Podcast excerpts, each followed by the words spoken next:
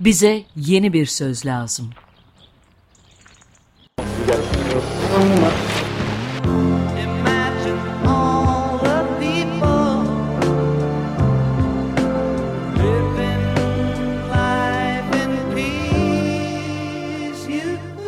Bekir Ağırdır'la yeni bir yol haritası denemesi.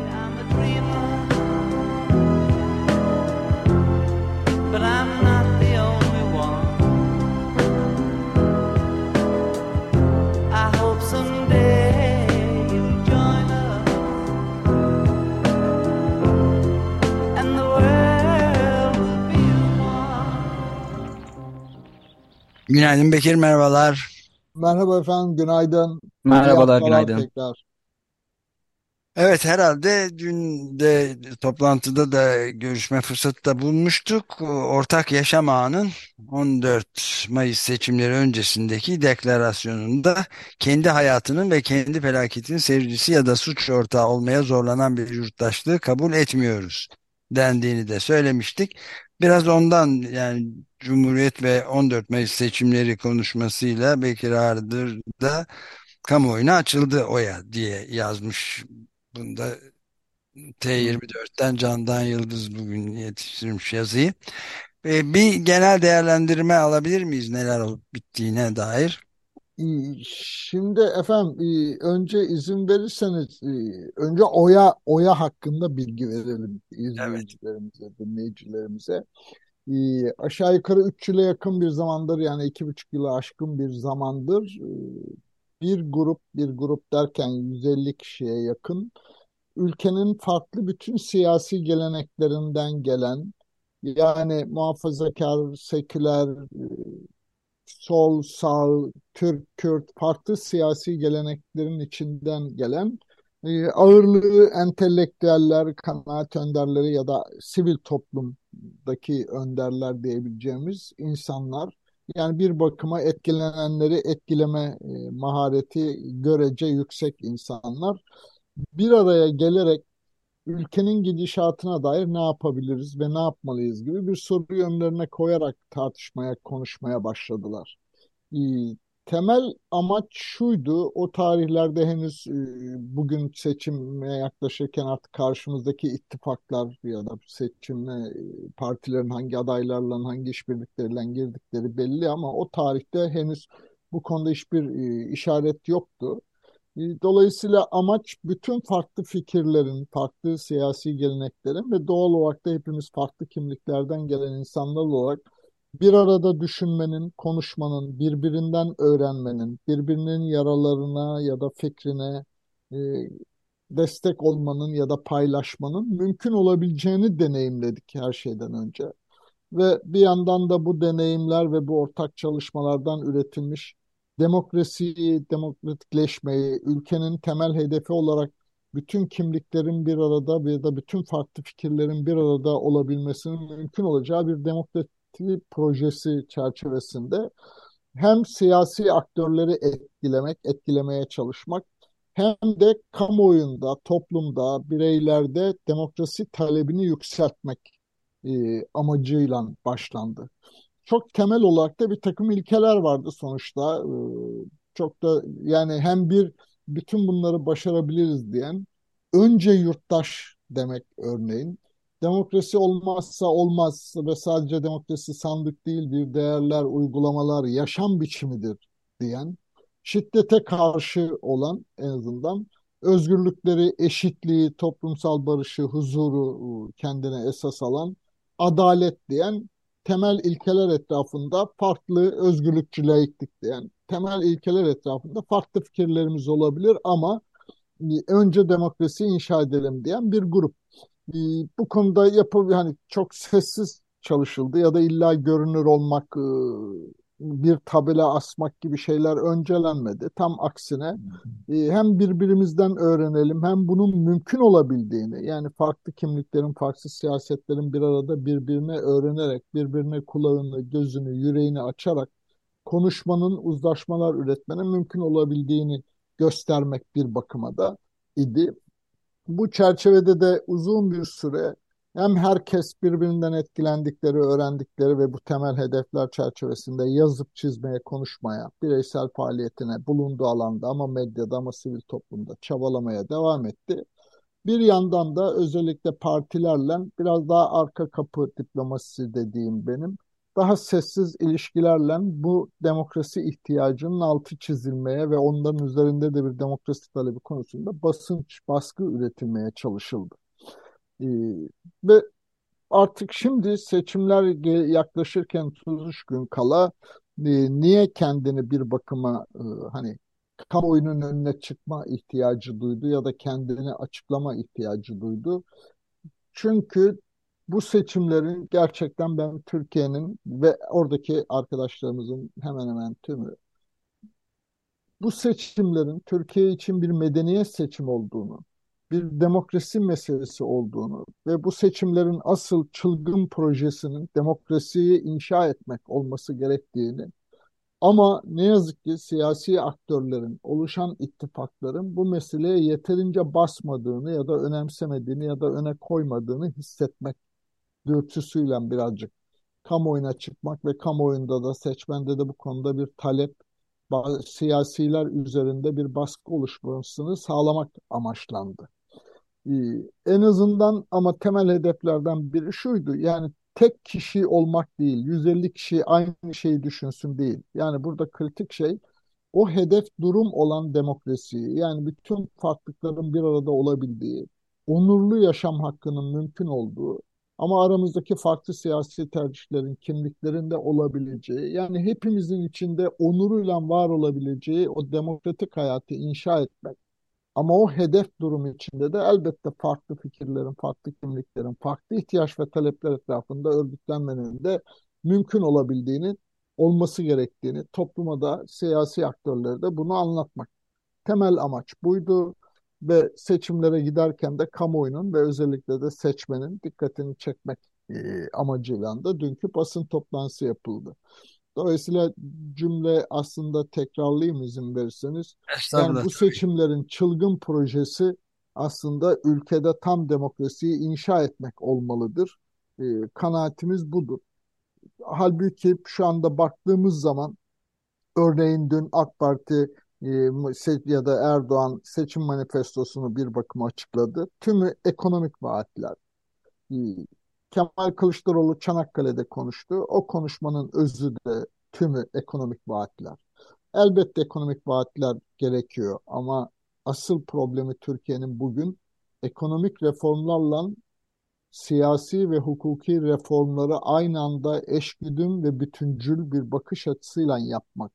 Yani demokrasiyi inşa etmeden, denge denetleme mekanizmalarını kurmadan, şeffaflığı, hesap verebilirliği, liyakatı, Cumhuriyetin bir takım değerlerini, laiklik dahil, eğitim, hukukun üstünlüğü dahil bunları yeniden güçlendirerek ama demokratikleştirerek inşa etmeden o yalnızca ekonomik vaatler yani seçmeni sadece seyirci ve yalnızca yiyen, içen hatta hani amiyane tabiriyle söylerim çekirdek çitleyerek sahadaki oyuncuları, siyasi aktörlerin e, dalaşmalarını, münazaralarını, münakaşalarını izleyen bir konumda tutan siyaset var bugün önümüzde ve bu doğru bir şey değil. Sağlıklı bir şey de değil. Ülkenin ihtiyacı da bu değil.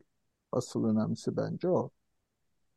Evet burada yani çeşitli e, akademisyenlerin, yazarların, şairlerin çok sayıda akademisyenin de bulunduğu bir kuruluş var ama aralarında siyasetçiler de var. Ee, ve bu bana şeyi hatırlatıyor. Bu New York Review of Books'ta 2000, 1967'de 2023'ten yani 156 yıl kadar önce hı hı. Chomsky'nin yazdığı önemli bir makale vardı. Beni ve benim gibi, gibi çok sayıda insanı da etkilemiş olduğunu yakından bildiğim bir şey. Yani entelektüel olmak e, okur yazarlığın ötesinde e, bir çeşit sorumluluk yükler insanlara.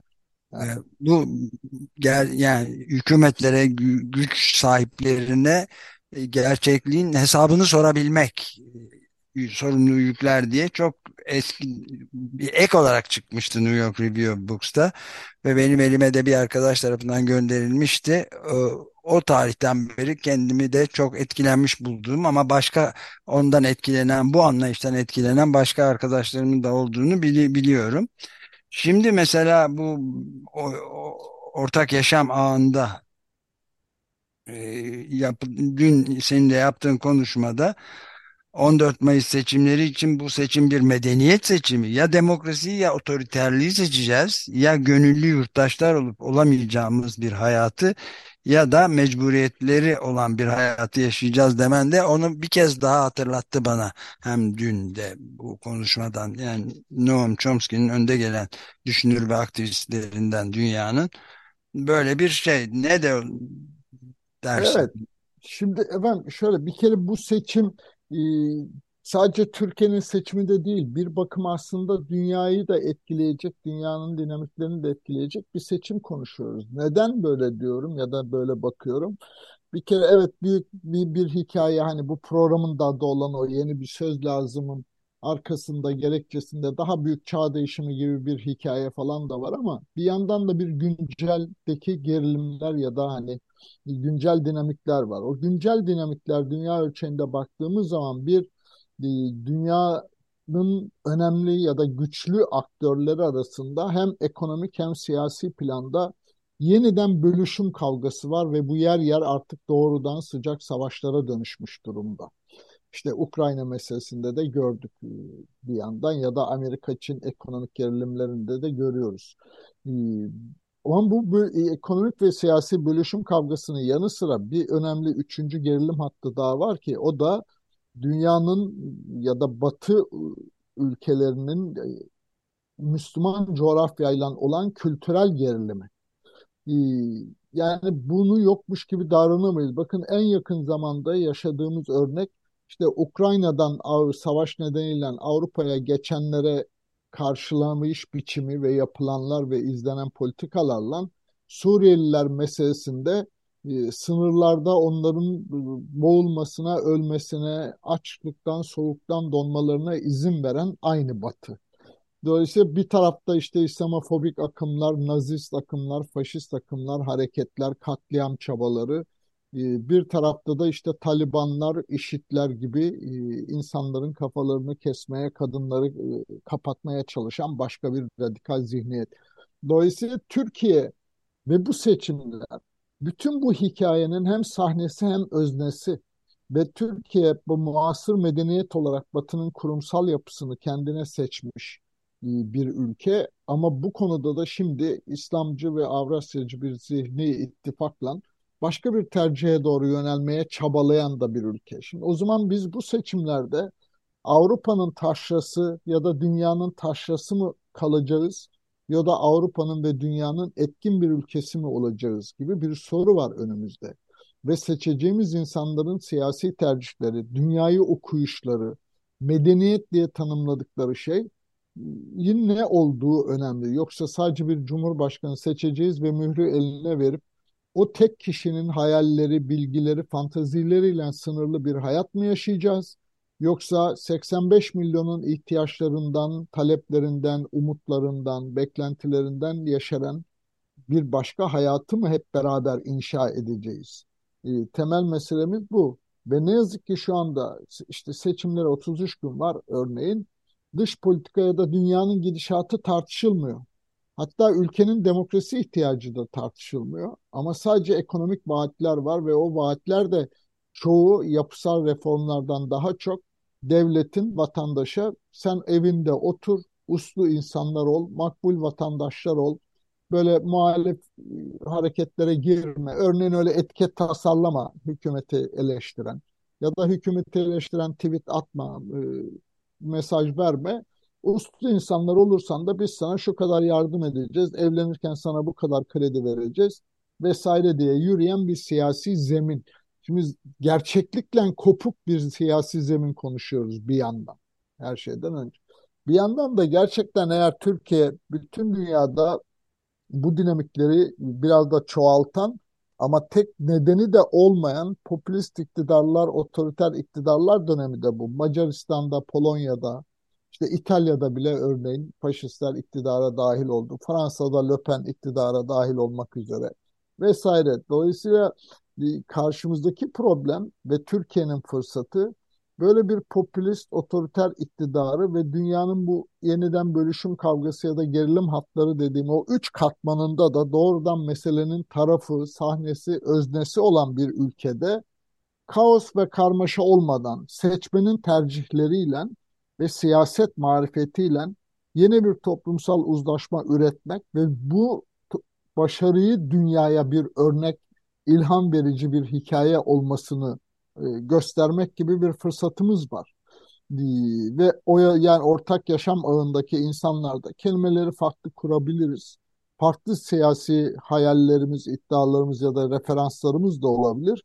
Ama esas itibariyle Türkiye'nin bu rolü konusunda ya da Türkiye'nin yapması gereken demokratikleşme e, konusunda ortak fikri olan o hedef durumun da hayalini içselleştirmiş insanlar özü itibariyle. Bugün dolayısıyla aydınlar olarak ya da hani her ne kadar ne kadar aydın sayılıp sayılmayacağımız ayrı bahis sonuçta bunun da bir diploması yok. Ama en azından memleketin geleceği için burnunun direği sızlayan ve bu konularda 24 saat düşünen, yazan, konuşan insanlar olarak o ortak hayali nasıl diri tutabiliriz? Siyasete bunun ıı, sonuçlarını nasıl aktarabilir ya da siyasi aktörler üzerinde bu konuda nasıl bir, baskı üretebiliriz ya da bilgi desteği e, üretebiliriz? Aynı zamanda da toplumda da bu duyarlılığın güçlenmesini seçimlerde veya seçim, hayatımızın her anında sadece seçimlerde de değil siyasi aktörler üzerinde toplum bu konuda nasıl bir ihtiyaç ve talep baskısı kurabilir gibi e, çabalar sonuç. Ve tabii ki bir tek bu ağda değil, benzer birçok ağ da var muhtemelen. Ama özü itibariyle Türkiye bugün karşı karşıya olduğumuz bütün bu problemler, kendi içimizdeki problemler dahi, bütün kurum ve kuralları yıkılmış. E, artık hani daha demokratik, temsili demokrasinin de bütün krizlerini yaşıyoruz biz aynı zamanda. Yani sadece bir fazla oy alarak mührü ele geçirenin her şeye karar verebildiği ve o kişinin hayalleri, fantazileri, bilgisi, vizyonuyla sınırlı bir hayat mıdır meselemiz? Yoksa bu ülkede hepimizin farklı kimliklerimizden sokağa çıktığımızda alnımız dik, onurlu yaşam hakkımız mıdır? Onurlu yaşam deyince artık işte deprem meselesiyle gördük Mesela somut bir örnek. Ne diyor iktidar ya da devlet dediğimiz mekanizma? Evleri yıkılan yurttaşların evlerini yaparım ama taksitle de işte e, borçlandırırım, ödetirim. Halbuki bu devletin görevi. Barınma hakkı devletin görevi. Kadına şiddeti engellemek de devletin görevi. Burada kritik meselelerden bir tanesi ya da demokrat olup olmamanın ölçüsü ya da kilit taşı, demokrasinin kilit taşı mesele kadın meselesi bir bakıma yani evinde uğruna ölmeye, öldürmeye razı olduğunu söyleyen bir geleneksel ataerkil kültürü var bu toprakların. Hani at, avrat, namus, silah diyen. E ama aynı insanlar evinde uğruna ölmeye, öldürmeye razı olduğu e, demokrat değil ama sokakta demokratım ben diyor. Dolayısıyla demokratlık tanımını da yeniden belki düşünmemiz lazım ve kadın meselesi. E şimdi buradan baktığımız zaman son 15 günde bile yaşadıklarımıza bakın. Yani iktidar Hüdapar'la ve yeniden Refah Partisi ile ittifaka dahil olmaları görüşmeleri içinde aleni hiç de hani öyle bir mahcubiyet hissetmeden, gizlemeden çok aleni kamuoyunun önünde kadın haklarını pazarlık konusu yaptı. İstanbul Sözleşmesi'ne geri dönmeyi bırakın ailenin korunma kanunu ya da kadını şiddetten korunma kanununu bile son derece ahlakçı bir bakışla ve bu yeni iki ittifak ortağı partiyle oralardan bile hangi adımları geri adım geriye doğru adımların hangileri olabileceğini pazarlık konusu yaptı örneğin. Şimdi bütün bunları tartışmadığımız ama bu kadar kritik meselelerin, bu kadar hayati meselelerin önümüzde olduğu ve 33 gün kalan bir seçimde sadece ekonomik vaatlerden yürüyen bir seçi, ne diyelim siyasi aktörlerin sahnelediği bir şey var karşımızda. Sorun da tam da bu. Yani gerçek siyasi aktörlerin e, önemli bir kısmının galiba e, gerçeklikle ilişkilerinde bir sorun var ya da gerçekliğin farkında değiller. Evet bu çok bana da önemli gözüküyor. Yani ben demin e, New York Review Books'ta çıkan bu ek derginin eki olarak çıkan önemli makaleyi Chomsky'nin e, di- dile getirirken Türkiye'de bazı kavramların da tamamen anlamını kaybetmiş olduğunu e, son zamanlarda daha da çok mesela entelektüel deyince entel dantel gibi hem de sol Evet, kanattan şeyler kavramı mahvedici şeylerden gelişmeler olduğunu da düşünmüştüm. Halbuki entelektüelin sorumluluğu, entelektüellerin sorumluluğu dediği zaman işte ortak yaşam ağını kuran akademisyenler, yazarlar, gazeteciler ve hak savunucuları e, kesinlikle entelektüelin sorumluluk e, almayı ve hakikati senin biraz önce de söylediğin gibi e, sor, hakikatin gerçekten yeniden inşası olduğunu e, söylemekte evet, evet, düşünüyordum. Bir de mesela dün e, Figen Çalıkuşu da OYA toplantısında önemli bir şey söyledi. Mesela ki sayısını tam hatırlamıyorum ama bu imar affı diye adlandırılan sayısız derecede çıkarılan şeylerden mi, yasal yas, düzenlemelerden milyon evet. milyonlarca 10 kişinin milyon 250 yararlandığını bin kişi başvurmuş. Evet bu bu tabii tam anlamıyla bir sessiz kalma e, suç suç ortaklığının da anlamına e, suç ortaklığı anlamına da geliyor yani ya da işte Evet, evet. e, yani Hülya Hem suç ortaklığı anlamına geliyor hem de e, bu büyük hikayeden, kayıt dışı ranttan ya da hukuk dışı davranışlardan e, sus payı bir bakıma. Yani e, yurttaş da suça ortak edilmeye, suça evet, ortak olmaya ve suskunluğa razı edilmeye çalışılıyor. Demin zaten de dedim otoriter rejimlerin şeyi de tam bu yani Nazizmin başta olmak üzere faşizmin suç ortağı yaparak şey yapıyorlar devletle tabii baskı Evet. Dolayısıyla burada temsili demokrasinin de bütün dünyada, Türkiye'de de krizi meselesi var. Yani bütün dünyada da, Türkiye'de de temsili demokrasi krizde. Ama şimdi buradan kaçınmanın yolu e, otoriter bir yönetim midir yoksa demokrasiyi katılımcılığa doğru, hayatın her alanında bir yaşam biçimi haline çevirmeye doğru yerellerden başlayarak herkesin kendine dair kararlara dahil olabildiği yeni bir başka katılımcı sürece doğru mu çevirmek yoksa seçmeni ya da yurttaşı sadece devletin koyduğu makbul vatandaş sınırları içinde devranmaya zorlayan ve sadece seyirci konumuna iten e, bir hayat mı? Şimdi bu ülkenin insanları bunu hak ediyor mu? Hayır. Bu ülkenin insanları peki bunu istemiyor mu? İstiyorlar.